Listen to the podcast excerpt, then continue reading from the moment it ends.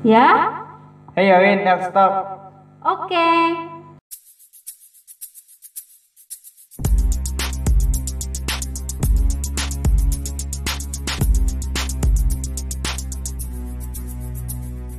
Masih banyak masyarakat yang memahami bahwa profesi adalah pekerjaan dan pekerjaan adalah profesi. Ketika seseorang menanyakan kepada orang lain, "Apa profesimu?" orang akan menangkapnya sebagai, "Apa pekerjaanmu?"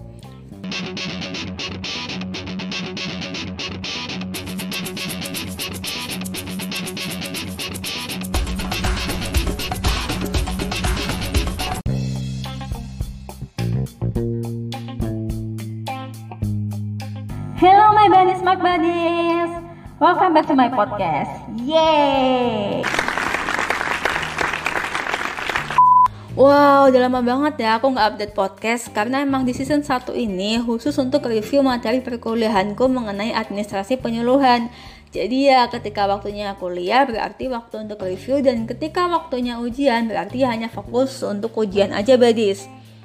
Di episode sebelumnya, aku review tentang administrasi penyuluhan. Lalu di episode, aku mau review tentang profesi penyuluh agama.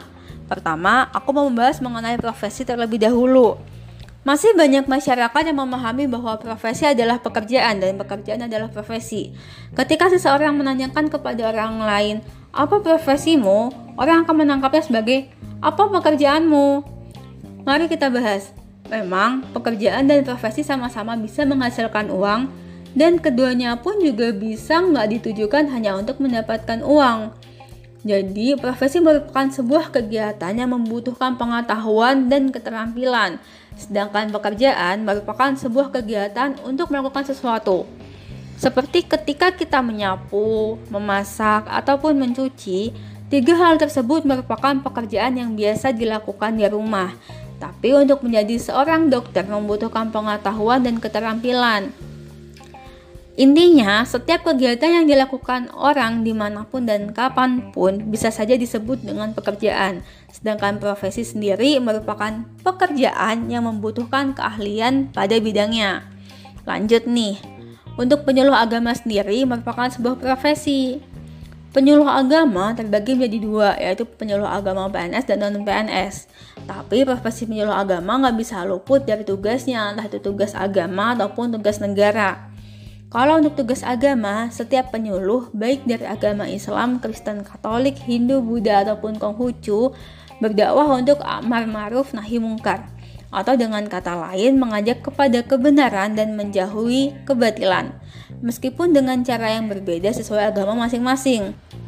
Sedangkan untuk tugas negara, penyuluh agama bertugas untuk turut membantu pembangunan negara, seperti melakukan penyuluhan agama kepada masyarakat agar masyarakat tetap di jalan yang benar, atau melakukan konsultasi yang tentunya berkaitan dengan agama.